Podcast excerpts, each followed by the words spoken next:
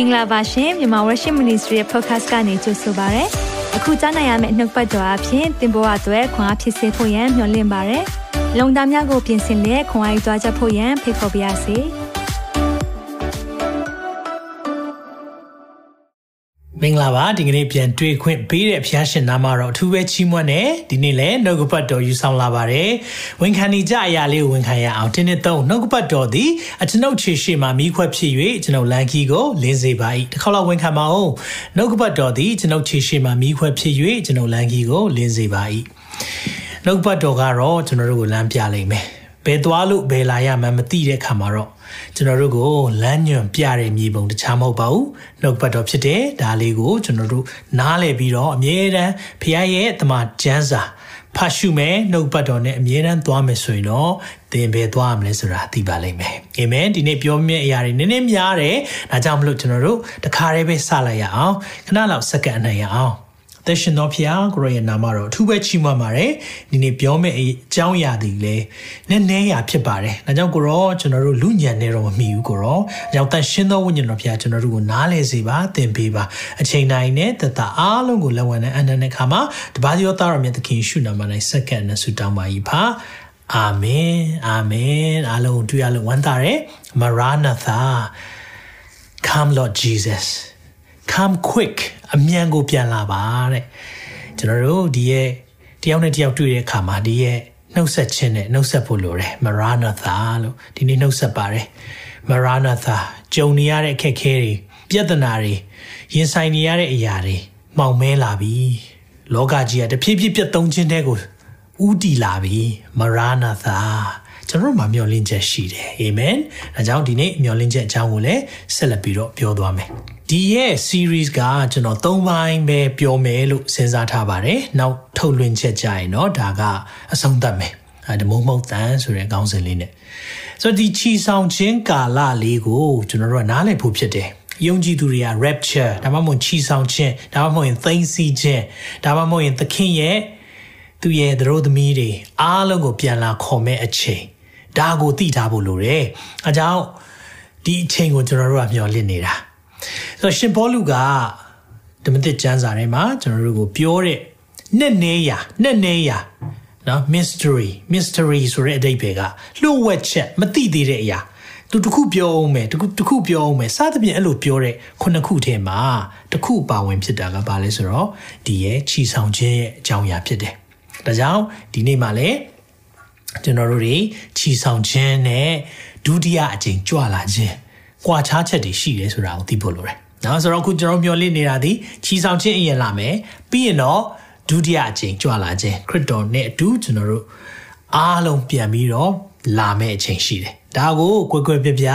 သိဖို့လိုတယ်။ဒါကြောင့်ကျွန်တော်တို့တွေဒီနေ့မှာဒီຢာလေးကိုကြည့်ရအောင်။ဆိုတော့ခြီဆောင်ခြင်းနဲ့ဒုတိယအချိန်အချိန်ကြွလာခြင်းမှာကွာခြားချက်ကတကယ်တော့၈ခုလောက်ရှိတယ် ဒါပေမဲ့ဒီနေ့အချိန်ဘယ်လောက်ရမလဲမသိဘူးเนาะကျွန်တော်၄ခုရရင်လည်း၄ခုလောက်ပဲပြောသွားမယ်ကျွန်တော်ဒါလေးကို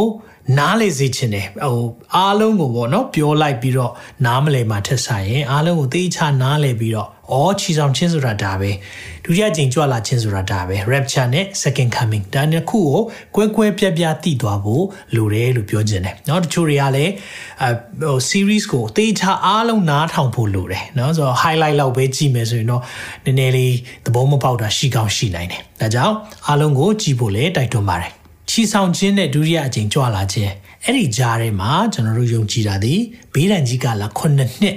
ရှိနေမယ်လို့ယုံကြည်တယ်ဆိုတော့ဘေးဒဏ်ကြီးကလာမတိုင်ခင်လေးမှာချီဆောင်ခြင်းလာမယ်ဆိုတော့ pre tribulation ဆိုတဲ့ခံယူချက်ကိုတော့အများသောအဖြစ်အများသောယုံကြည်သူတွေကယုံကြည်ကြတယ်ကျွန်တော်တို့လည်း pre tribulation ခံယူချက်ကိုပို့ပြီးအားသာတယ်ဒါပေမဲ့လည်းကျွန်တော်တို့နားလေတယ်နောက်တချို့တွေလည်းအာ mid tribulation ဆိုတာဘေးဒဏ်ကြီးအလယ်မှာများလာမလားဒါမှမဟုတ်ရင်၃ပုံ၂ပုံလောက်ပေါ့နော် pre red ဆိုခေါ်တယ်အမျက်တော်မသွန်းလောင်း ခင်အချိန်လေးမှလာမလားအဆုံးလေးမှเนาะလာမလားစသဖြင့်တယောက်နဲ့တယောက်တော့ခံယူချက်မတူကြအောင်ဒါမဲ့ဒီနေ့ကျွန်တော်နားလဲစေချင်တယ်ဒီနေ့ဘေးဒဏ်ကြီးကာလ9နှစ်မတိုင်ခင်မှာလာမယ်ဆိုတဲ့ခံယူချက်နဲ့အဲ့ဒီရှူတောင်းကနေအဓိကပြောသွားမှာဖြစ်တယ်ဆိုတော့ချီဆောင်ခြင်းနဲ့ဒုတိယအချိန်ကြွလာခြင်းဘာတွေကွာလဲနံပါတ်1ကွာခြားချက်ကယုံကြည်သူတွေနဲ့ကိုရောစုံတွေ့မဲ့နေရမတူ ယုံကြည်သူတွေနဲ့ကိုတော့ဆုံတွေ့မဲ့နေရမတူဒါလေးကိုနှုတ်ပတ်တော်နဲ့ကျွန်တော်ကြည့်အောင်သက်တာလောနဲ့ဩရာဇာပထမဆုံးခန်းကြီးလေးအငယ်16နဲ့19မှာပြောလဲဆိုတော့သခင်ဖျားသည်ကြွေးကြော်ခြင်းကောင်းကင်တမန်မင်းအတန်ပေးခြင်းဖျားသခင်တဘိုးတော်ကိုမှုတ်ခြင်းနဲ့တကွာကောင်းကင်ဘုံမှာကိုယ်တိုင်ဆင်းသက်တော်မူ၍ခရစ်တော်၌သေလွန်သောသူတို့သည်အူးထမြောက်ကြလိမ့်မည် တယောက်က comment ရေးတယ်ဒါ second coming မဟုတ်ဘူးလားတဲ့မဟုတ်ပါဘူးဒါကချီဆောင်ခြင်းဘာကြောင့်လဲဆိုတော့အဲ့ဒီမှာဟာတဘိုးမှုတ်ရင်အကုန်သိကုန်မှာပေါ့နော်ဆိုတော့ဒီလိုမျိုးလေးတွေကျွန်တော်တို့ကြည့်တဲ့အခါမှာကျမ်းပိုက်တပိုက်လေးကိုပဲယူလို့မရအောင်အောက်ကဆက်ကြည့်လိုက်ကြည့်တဲ့အခါမှာစခွန်မှာပြောလဲထို့ကအသက်ရှင်ရင်ကြံကျွန်းတဲ့ငါတို့သည်အာကာသကောင်းကင်၌ပြောကြည့်ပါအာကာသကောင်းကင်၌ နော်ဆုံတွေ့မဲ့နေရာလေးသခင်ဘုရားထံတော်သို့ရောက်စေခြင်းကထိုသူတို့နဲ့အတူမိုးတိမ်ပေါ်သို့ခြီဆောင်ခြင်းကိုခံရသောအဖြစ်သခင်ဘုရားနဲ့အတူအစင်မပြတ်နေရကြလိမ့်မည်နော်အငယ်၁၈ဆိုရင်တော့ဤစကားများအားဖြင့်သင်တို့တယောက်နဲ့တယောက်သက်သာစေကြလောတဲ့ဆိုတော့တယောက်နဲ့တယောက်သက်သာစေတဲ့စကားကသခင်ပြန်လာမယ်ဆိုတဲ့စကားဖြစ်တယ်တယောက်နဲ့တယောက်သက်သာစေမယ့်စကားသခင်ကကျွန်တော်တို့ကိုအာကာသမှာဆုံတွေ့မယ်ဒါလေးကိုကြည့်ပေးပါနော်ဒါကြောင့်ဆုံတွေ့တဲ့နေရာမတူဘူး rapture မှာဆိုရင် အာဂါသကောင်းကင်မှာဆုံတွေ့မယ်။ဒါဆိုရင် second coming ကြရောဇာခရီ14အငယ်1နဲ့4မှာပြောပါတယ်။ယေရုရှလင်မြို့ကိုတိုက်စေခြင်းကလူမျိုးအပေါင်းတို့ကိုငါစုဝေးစေမည်။မြို့ကိုတိုက်ယူပြီးလေမြို့တို့ကိုလူရဲမိမတို့ကိုအရမပြုကြလိမ့်မည်။မြို့သားတစ်ဝက်ကိုတိမ့်သွား၍တစ်ဝက်သာမြို့၌ကြံကျွင်းလိမ့်မည်။ကြည်အောင်နော်အဲ့ဒီမြင်ကွင်းကိုကြည့်တဲ့အခါမှာတော့လုံးဝအာဒီအရာလေးကဒီအနိဋ္ဌာယုံလုံးဝမကောင်းဘူး ထာဝရဘုရားသည်လည်းစစ်တိုက်ရာကာလ၌တိုက်တကယ်သို့ထိုလူမျိုးတို့ကိုတိုက်သွားတော်မူမည်။ဒါကြောင့်သခင်ကဝင်ပြီးတော့တိုက်ပေးမဲ့အချိန်ရှိလိမ့်မယ်။အဲဒီမှာအငယ်လေးကိုအာယုံစိုက်ပေးပါ။ထိုနေ့ရက်၌ခြေတော်သည်ခြေတော်ယေရုရှလင်မြို့အရှိတန်လွင်တောင်ပေါ်မှာရက်၍တန်လွင်တောင်သည်အရှိဘက်မှအနောက်ဘက်တိုင်အောင်အလယ်၌ကွဲသဖြင့်အလွန်ကြီးသောဂျိုင်ဖြစ်လိမ့်မည်။တောင်တဝက်သည်မြောက်ဘက်သို့၎င်းတဝက်သည်တောင်ဘက်သို့၎င်းရွေ့ရလိမ့်မည်။ဒီမှာကြည့်တဲ့အခါမှာ ခုနကပြောလဲယုံကြည်သူတွေနဲ့အာဂါသမှာစုံမယ်တဲ့ဒီနေရာကျတော့ခြေတော်ကယေရုရှလင်မြို့မှာရှိတယ်အရှိတ်ဘက်မှာရှိတယ်သန်လွင်တောင်ပေါ်မှာခြေချမယ်မတူဘူးเนาะအဲကြောင့် rapture မှာခြေမချဘူး rapture မှာအာဂါသမိုးတိမ်ထိပဲလာခေါ်မယ်ပြီးရင်ကျွန်တော်တို့အဲ့ဒီမှာ bema judgment เนาะယုံကြည်သူများတရားစီရင်ခြင်းရယ်ပြီးရင်သိုးငယ်မင်္ဂလာဆောင်ပွဲဒါတွေကျင်းပမယ်အောက်ဖက်မှာမဖြစ်နေမလဲ အဲ့ဒီမှာဘီဒန်ကြီးကာလာဖြစ်နေမှာဒါကြောင့်ဒီနှစ်ခုဟာမတူဘူးဆိုတဲ့အရာကိုသိထားဖို့လိုတယ်เนาะဒီအရာလေးကိုနားလည်စေချင်တယ်ဒါကြောင့်ချီဆောင်ခြင်းမှာယုံကြည်သူတွေလေထဲမှာကိုရောနဲ့တွေ့မယ်ဒုတိယအကြိမ်ကြွလာခြင်းကြရင်ကိုရောကိုတိုင်တာလွင်တောင်ပေါ်မှာခြေချမယ်နားလည်မယ်เนาะဒါနံပါတ်1ချက်ဖြစ်တယ်နံပါတ်2သွားရအောင်မြေကြီးပေါ်မှာဖယ်ရှားခံရမယ့်သူတွေမတူဘူးဆိုတော့ချီဆောင်ခြင်းမှာဘယ်သူတွေကိုဖယ်ရှားမလဲဘယ်သူဖယ်ရှားမလဲဆိုတော့နှစ်ဖွဲ့ရှိမယ်ခရစ်တော်၌တည်လွန်တဲ့သူ เนาะကျွန်တော်မိဘတွေကိုရှေ့မှာယုံကြည်သူတွေဆုံးသွားတဲ့သူတွေသူတို့တွေအရင်ဆုံးပါမယ်နောက်တစ်ဖွဲ့ကတော့အသက်ရှင်ကြံကျွင်းသောငါတို့ပြောကြည့်ပါအသက်ရှင်ကြံကျွင်းသောငါတို့ယုံကြည်ပါတယ်အဲ့ဒါကျွန်တော်တို့အဖွဲ့တွေဖြစ်မယ်ဒီနှစ်ဖွဲ့ကတဲ့ပါသွားမယ်ဒါကြောင့်နားလဲပါချီဆောင်ခြင်းမှာပါသွားမယ်သူတွေမတူကြအောင်เนาะပါသွားမယ်ချီဆောင်ခြင်းမှာဘယ်သူတွေပါမလဲဆိုတော့ယုံကြည်သူတွေပါမယ် ဒါဆိုရင်ဒုတိယအကြိမ်ကြွလာခြင်း second coming မှာဘယ်သူတွေပါမလဲအဲ့ဒီမှာရှင်မသက်ခရစ်ဝင်ကျမ်းခန်းကြီး73အငယ်41နဲ့42မှာဒီလိုပြောတယ်လူသားသည်မိမိကောင်းကင်တမန်တို့ကိုဆေလွတ်ပြီးလင်မှားယွင်းစီသောသူနှင့်မတရားသောအမှုကိုပြုသောသူရှိသမျှတို့ကိုနိုင်ငံတော်ထဲကရွေးနှုတ်၍ငိုကြွေးခြင်းအံသွားခဲကြရာရှိရာမိဖို့၌ချကြလက်တန့်တဲ့အဲ့ဒီမှာကျတော့ပါသွားတဲ့လူတွေကမတူဘူး ဘသူတွေလဲဆိုတော့မှားယွန်းစေတဲ့သူနဲ့မတရားမှုကိုပြုတဲ့သူတဲ့ဒီအဖွဲ့တွေပါသွားမယ်အငယ်59မှာကြည်ပေးပါထုံနေတူကဘာအဆုံး၌ကောင်းကင်တမန်တို့သည်ဆင်းလာပြီးလေနဲ့ဒီကြတော့သခင်ဆင်းလာတာမဟုတ်ဘူးเนาะကောင်းကင်တမန်ပဲလွှတ်လိုက်တာကောင်းကင်တမန်တွေကမလုပ်မလဲဖြောင့်မတ်သောသူတို့အထဲမှာတဲ့စိုးသောသူတို့ကိုနှုတ်ယူခွဲထား၍ငိုကြွေးခြင်းအံသွားခဲကြရာရှိမိဖို့၌ခြားကြလက်တန်းတဲ့ဆိုတော့ပါသွားတဲ့အဖွဲ့ချင်းမတူဘူး ဘာမတူလဲချီဆောင်ခြင်းမှာယုံကြည်သူများကိုခရစ်တော်ကိုယ်တိုင်သိမ်းဆည်းမယ်ဒုတိယအကြိမ်ကြွလာခြင်းကြတော့မယုံကြည်သူတွေကိုသိမ်းဆည်းဖို့ခေါင်းကိတမန်တွေကစေလွတ်ခံရမယ်နားလည်လားမသိဘူးနော်ဒါလေးကိုသိစေချင်တယ်နော်ဒါကြောင့်မလို့ချီဆောင်ခြင်းမှာယုံကြည်သူတွေပါမယ်ဒုတိယအကြိမ်ကြွလာခြင်းကြတော့မယုံကြည်သူတွေခုနပြောတဲ့မတရားအမှုကိုပြုတဲ့သူတွေအားလုံးကိုနော်ခေါ်သွားမှာ ပြီးရင် အဲ့ဒီမှာနှုတ်ကပတ်တော်ထဲမှာပြောတဲ့အတိုင်းပဲเนาะဒီရဲ့ရစီရင်ခြင်းရှိမယ်ဒါကြောင့်ဒီနှစ်ခုမတူဘူးဆိုတာကိုနားလည်စေချင်တယ်နံပါတ်3ချက်လိုက်နိုင်တယ်เนาะဒီနေ့နည်းနည်းလေးအချက်များတဲ့အတွက်ကျွန်တော်အာအရင်တစ်ခါလို့တော့ကျွန်တော်အသေးစိတ်မပြောတော့ဘူးဒါပေမဲ့သေချာလေးအာယုံစိုက်ပေးပါကဲ rapture နဲ့ second coming ပါကွာလေချီဆောင်ခြင်းနဲ့ဒုတိယအကြိမ်ကြွလာခြင်းနံပါတ်3ချက်ကမြေကြီးပေါ်မှာပါသွားမဲ့သူနဲ့ကြံရစ်တဲ့သူ မတူခုနဒါခုနနဲ့ခတ်ဆင်ဆင်ပဲเนาะဒါဆိုရင် rapture မှာဘယ်သူပါမလဲချီဆောင်ခြင်းမှာဘယ်သူတွေပါမလဲ crypto ၌တည်လွန်တဲ့သူတွေရဲ့ပြီးရင်အသက်ရှင်ပြီးကြံကျွင်းတဲ့ယုံကြည်သူယုံကြည်သူလို့ပြောပါယုံကြည်သူတွေချီဆောင်ခြင်းမှာပါပြီးတော့မယုံကြည်သူတွေကြံခဲ့မယ်ဒါပေမဲ့ဒုတိယအကြိမ်ကြွလာခြင်းကြတော့ဘာပြောလဲဆိုတော့ဖြောင်းမတ်တော်သူတို့အထဲမှာတဲ့အငယ်59 စိုးသောသူတို့ကိုနှုတ်မယ်ဆိုဘသူကကြံခဲ့မှာလဲဖြောင်းမတ်တဲ့သူကြံပြီးတော့စိုးတဲ့သူတွေပါသွားမယ်။ဒါကြောင့်ကျွန်တော်တို့နားလည်ဖို့လိုတယ်ဒီရဲ့ချီဆောင်ခြင်းမှာယုံကြည်သူများပါသွားပြီးတော့မယုံကြည်သူတွေကြံခဲ့မယ်။ဒုတိယအကြိမ်ကြွလာခြင်းမှာတော့မယုံကြည်သူတွေပါသွားပြီးတော့ယုံကြည်သူတွေကြံခဲ့မယ်။ဒါဆိုရင်အဲ့ကြံခဲ့တဲ့ယုံကြည်သူတွေကဘာလုပ်မလဲ။ယုံကြည်သူများခရစ်တော်ရဲ့နှစ်တထောင်နိုင်ငံထဲမှာဝင်ရမှာ အာမင်ဘုရင်တကာတို့ရဲ့ဘုရင်အရှင်တကာတို့ရဲ့အရှင်အဲ့ဒီနှစ်တထောင်အုပ်ဆိုးခြင်းထဲမှာဝင်သွားတော့မှာဖြစ်တဲ့အတွက်ကြောင့်မလို့အဲ့ဒီထဲမှာမရှိသင့်တဲ့မပါသင့်တဲ့ဆိုးသွမ်းတဲ့သူတွေအားလုံးကိုဖယ်ရှားမယ်နားလည်မယ်ထင်ပါတယ်နော်ဒါကြောင့်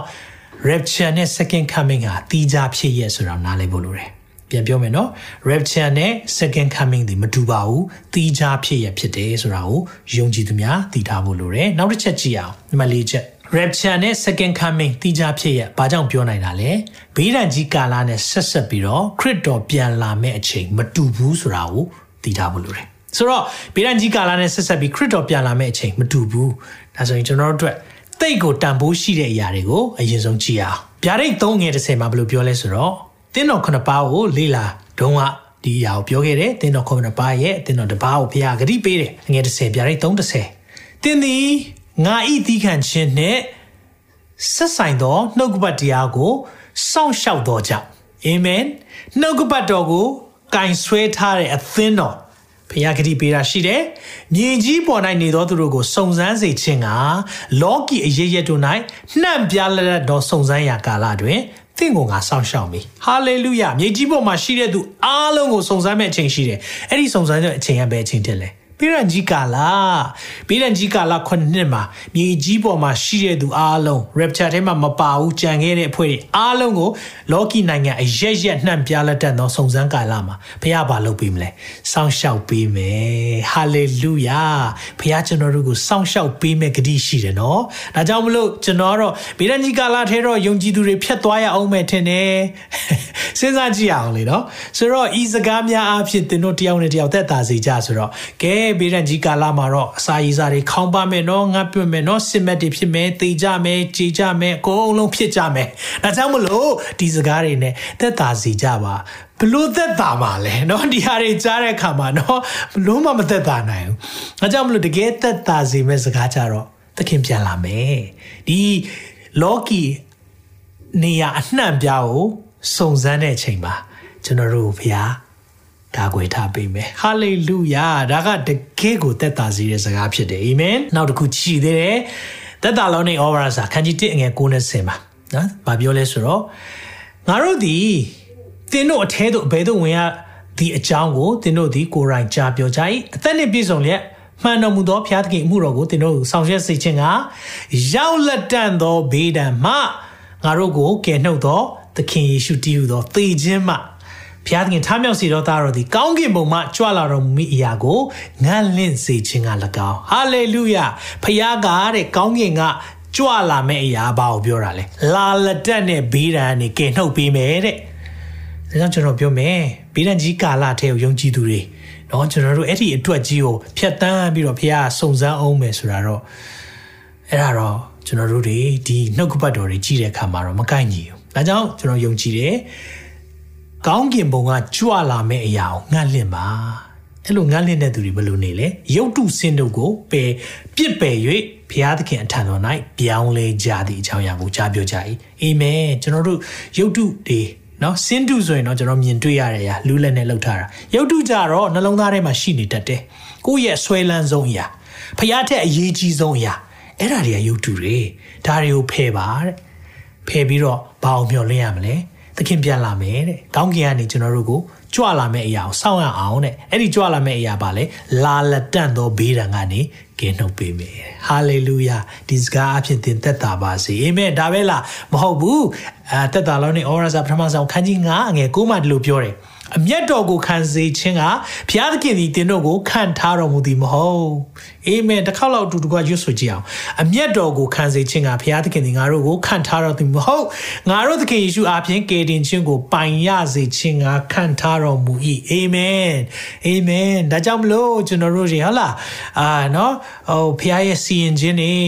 ခံရအောင်မယ်သွားအောင်မယ် ဒါတွေကြုံပြီးတဲ့အခါကျမှနော်ဒီနှုတ်ပတ်တော်ရှင်းရှင်းလေးပြောပါတယ်ဖခင်ရဲ့အမျက်တော်သွန်းလောင်းမယ်ဒါကြောင့်တချို့ကလည်းအော်ဒီအမျက်တော်မသွန်းလောင်းခင်လေးမှာဆိုတော့အမျက်တော်ခွက်ဖလားပေါ့နော်ဒီပြားရိတ်ချမ်းထဲမှာဆိုရင်အမျက်တော်ခွက်ဖလားသွန်းလောင်းမယ်မတိုင်ခင်လေးမှာဖခင်ကယ်လိမ့်မယ်လို့ခံယူတဲ့အဖွဲ့ကလည်းဒီနှုတ်ပတ်တော်ကိုသုံးတယ်နော်ဆိုတော့ဒါမဲ့ကျွန်တော်ယုံတာကတော့ဒီအမျက်တော်သွန်းလောင်းတဲ့ကာလဆိုတဲ့အရာဒါအားလုံးဒီဘေးဒဏ်ကြီးကာလ9နှစ်လုံးကိုပုံဆောင်တယ်လို့ကျွန်တော်ကတော့နားလည်ထားတယ်နော်ဒါကြောင့်မလို့ အမျက်တော်ခံဖို့ဘုရားကျွန်တော်ထားတာမဟုတ်အဲကြောင့်ကျွန်တော်တို့ကလည်းဒါကိုဩဘုရားကတော့ဘေးရန်ကြီးကာလာထဲမှာငါတို့သွားခိုင်းမှာမဟုတ်ပါဘူးဆိုပြီးပုတ်ပုတ်နေဖို့မဟုတ်ဘူးเนาะခုနကပြောလဲရုပ်တုဖယ်ပါတဲ့ကျွန်တော်တို့ဆွဲလန်းနေတဲ့အရာငွေကလည်းရုပ်တုဖြစ်တတ်တယ်ငွေကိုတတ်မှတ်ပြီးသွားနေကြတယ်เนาะကြားရတဲ့သတင်းတွေเนาะကျွန်တော်တို့မြန်မာပြည်မှာရှိတဲ့သူတွေရဲ့အကြောင်းတွေကြားတဲ့အခါမှာစိတ်မကောင်းတဲ့အရာအများကြီးတွေ့ရတယ်။ဘာကြောင့်လဲကျွန်တော်တစ်ခါလေမှာဘုရားအကြောင်းဟောနေရင်းနဲ့ရုပ်တုဟာရှိနေတာ။ နော်ဒါကြောင့်မလို့သခင်နှစ်ဦးရဲ့အစီခံလို့မရဘူးတူကိုချင်းတူကိုမုံရမယ်ဒီလိုပြောလို့ငွေရှိတာပြဿနာမဟုတ်ပါဘူးဒါပေမဲ့အဲ့ဒီငွေကကိုယ့်ရဲ့သခင်မဖြစ်လာဘူးလို့တယ်ငွေကိုကြတော့ကိုကကျွအနေနဲ့ပဲထားမှာခိုင်းစားလို့ရတယ်နော်ဆိုတော့ငွေရှိခြင်းအပြင်အများကြီးဖျားနိုင်ငံတော်ထဲမှာလှုပ်ဆောင်လို့ရတဲ့အရာအများကြီးရှိတယ်ဒါပေမဲ့အဲ့ဒီငွေကကိုယ့်ရဲ့သခင်ဖြစ်လာရင်တော့အရန်သတိထားမယ်အရာဖြစ်တယ်အာမင်အကြောင်းကျွန်တော်တို့အမျက်တော်ခံမဲ့ကာလတွေ ဖခင်ကျွန်တော်တို့ကိုမထားဘူးလို့ပြောတဲ့အခါမှာပေါ့ပေါ့တန်တန်နဲ့ကျွန်တော်နေဖို့မဟုတ်ဘူးအမြဲတမ်း ready ဖြစ်ထားဖို့ဖြစ်တယ်အာမင်ဒါပေမဲ့မအသင်း24မှာကျတော့ဒီလိုပြောပြန်ရောထိုကာလဤစင်ရဲ့ခြင်းနောက်တဲ့ထိုကာလဤစင်ရဲ့ခြင်းနောက်တဲ့ဒါဆိုရင်တော့သိချတယ်ဘေးရန်ကြီးကာလပြီးတဲ့အခါမှာရုပ်ခနဲ့နေသည်မိုက်လိမ့်မည်လာသည်လင်းအောင်မပေးကျေတို့သည်ကောင်းကင်မှကြားလိမ့်မည်ကောင်းကင်ကိုတို့သည်တုံလှုပ်ကြလိမ့်မည်ဒါတွေဖြစ်လာဒါ sign တွေ လူသားရဲ့နမိတ်လက္ခဏာသခင်ယေရှုလာခံနီးမှာဖြစ်မဲ့နမိတ်လက္ခဏာဒါမဲ့ဒီလက္ခဏာကဘာလက္ခဏာလဲဆိုတော့ second coming အတွက်လက္ခဏာဖြစ်တယ်အဲဒါလေးကိုအရင်ဆုံးရှင်းပြချင်တယ်နော်ကျွန်တော်ဥမာအရင်တော့ပြောဘူးတယ်ခရစ်စမတ်ရောက်တော့မယ်ဆိုပါစို့ခရစ်စမတ်ရောက်ခံနီးဆိုရင်ဘာတွေကိုကြားလဲခရစ်စမတ်သချင်းတွေစကြားရတယ်ဟုတ်တယ်နော်ခရစ်စမတ်ကိုယုံကြည်သူတွေဘယ်လောက်ပြင်ဆင်ကြိုးဆိုလဲတော့မသိဘူး shopping center တွေမှာ Christmas ကာလဆိုတိတ်ကြိုဆိုတာပဲကျွန်တော်စီမှာဆိုရင်ဟိုအောက်တိုဘာလောက်ဆိုရင်ပစ္စည်းတွေစရောင်းနေပြီလက်ဆောင်ပစ္စည်းတွေ decoration တွေနော်စရောင်းနေပြီဆိုတော့ဘာကိုနားလည်လိုက်လဲဆိုတော့အော်ခရစ်စမတ်ရောက်တော့မှာပဲဆိုတော့အသံနေနော်သချင်းနေလက်ဆောင်ပစ္စည်းရောင်းတာတွေစဖြစ်နေတဲ့အချိန်မှာဘယ်ဟာအရင်လာသွားလဲခရစ်စမတ်မတိုင်ခင်မှာ Thanksgiving ဆိုရဲနိုဝင်ဘာလမှာနော် Thanksgiving ဂျေဇုတော်ချီးမွမ်းတဲ့ရက်အရင်လာသွားတယ် ထိုနည်း၎င်းပဲအခုမြင်တွေ့ရတဲ့ sign လေးတွေကျွန်တော်တို့တွေ့တဲ့အခါမှာ second coming ရဲ့ sign တွေကိုတွေ့နေတာဒါပေမဲ့အဲ့မတိုင်ခင်လေးမှာဘာလာမလဲ rapture လာမယ်ဒါကြောင့်ယုံကြည်သူများဒီ sign တွေကိုမြင်တွေ့တဲ့အခါမှာအော်လူသေးတယ်ထင်တယ်လို့ဘာလို့မထင်ပါနဲ့ ready လုပ်ထားပါ rapture သည်သင်ထင်တာထက်နီးနေပြီ amen ဒါကိုရှင်းပြခြင်းတယ်ဒါကြောင့်ထိုအခါငွေ30မာသဲ24ငွေ30ထိုအခါလူသား၏နမိတ်လက္ခဏာသည်ကောင်းကင်၌ထင်ရှားလိမ့်မည် ဤလူသားရဲ့နမိတ်လက္ခဏာထင်ရှားမယ်ဆိုတာပါလေဒုတိယချိန်ကြွလာခြင်းမြေကြီးပေါ်မှာလူပေါင်းတို့သည်ငိုကြွေးမိတမ်းကြ၍လူသားသည်ကြီးစွာသောဘုံကုအနုဘောဆောင်လျက်မိုးတိမ်ကိုစီးလက်ကြွလာသည်ကိုမြင်ရကြလိမ့်မည် rapture ကမမြင်ဘူး rapture ကမျက်စိတမိတ်နော်ပြီးခဲ့တဲ့သင်ခန်းစာမှာမျက်စိတမိတ်မျက်စိတမိတ်မှာပါသွားမှာမသိလိုက်ဘူး အားလုံးကမသိလိုက်ဘူးဒါပေမဲ့ဒီမှာကျတော့လူတွေကအားလုံးမြင်ပြီးတော့ငိုကြမယ်တဲ့ဒါဘာကိုပြောတာလဲဒါ second coming second coming ဒုတိယအချိန်ကြွလာခြင်းကိုပြောတာဒါကိုကွဲပြအောင်သိပါနော်ဟာအကုန်လုံးပါပါသွားကြပြီကြည်အောင်မှာပါသွားပြီဆိုပြီးငိုအဲ့လိုမဟုတ်ဘူးဒါကြောင့်သိဖို့လိုတယ် rapture က signless rapture က imminent ရုတ်တရက်ဖြစ်နိုင်တဲ့အရာဒီချိန်လည်းဖြစ်နိုင်တယ်နော်ရုတ်တရက်ကြီးဖြစ်နိုင်တယ် အဲ့တော့တစ်ခေါက်ကျွန်တော်တရား rapture အကြောင်းဟောတဲ့ချိန်မှာကြည့်ရှုတဲ့ဒီမြန်မာ worship အာအန်တီတယောက်ကစာရေးလာတယ်။မရေးလာဟာဆရာပျောက်သွားတယ်တဲ့ rapture ပါသွားပြီလားမသိဘူး။အမှန်တော့သူက line ကျသွားတော့သူကျွန်တော်ရုတ်တရက်မတွေ့တော့ဘူးဆိုတော့သူစိုးရိမ်သွားတယ်ပေါ့နော်။ဆိုတော့ဒီနေ့လည်းအာမစိုးရိမ်ကြပါနဲ့เนาะကျွန်တော်တို့အားလုံးဒီမှာ ပါမဲ့သူတွေလို့ယုံကြည်ပါတယ်အာမင်သင်ယုံကြည်ပါသလားခရစ်တော်ကယ်တင်ပိုင်ရှင်နဲ့ရှင်သခင်ပြည့်ယုံကြည်တယ်ယုတ်တုကိုဖယ်ရှားတယ်အရေးတွန့်ခြင်းမရှိဘူးကိုယ့်ရဲ့ကိုယ်ခန္ဓာမှာတန့်ရှင်းခြင်းနဲ့အမြဲတမ်းအသက်ရှင်နေသူတွေ rapture အတွက် ready ပဲ hallelujah amen ဆိုတော့ဒီမှာကြည့်တဲ့အခါမှာဒီမှာလူသားရဲ့နမိတ်လက္ခဏာကောင်းကင်မှာထင်ရှားမယ်ဆိုတာခုနပြောတဲ့เนาะ Christmas ဆိုတဲ့အရာကိုနမိတ်လက္ခဏာတွေเนาะ Christmas မတိုင်ခင်လေးမှာလာသွားတဲ့အရာက Thanksgiving ဖြစ်တယ် เนาะဒါလေးကိုသိထားဖို့လိုတယ် Thanksgiving ကနိုဝင်ဘာလကုန်ပတ်မှာကျင်းပတယ်เนาะ